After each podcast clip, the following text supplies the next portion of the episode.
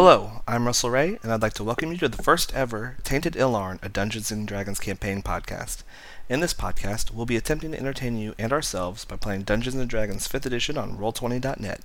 I'll be running the game in the homebrew campaign setting of Ilarn. Everyone involved in the podcast has in some way contributed to the Ilarn setting, and we're proud to have listeners speak in on it. Our goal will be to post sessions at least twice a month. We'd like you to keep in mind that none of us have much talent, but even so, we hope you enjoy the podcast.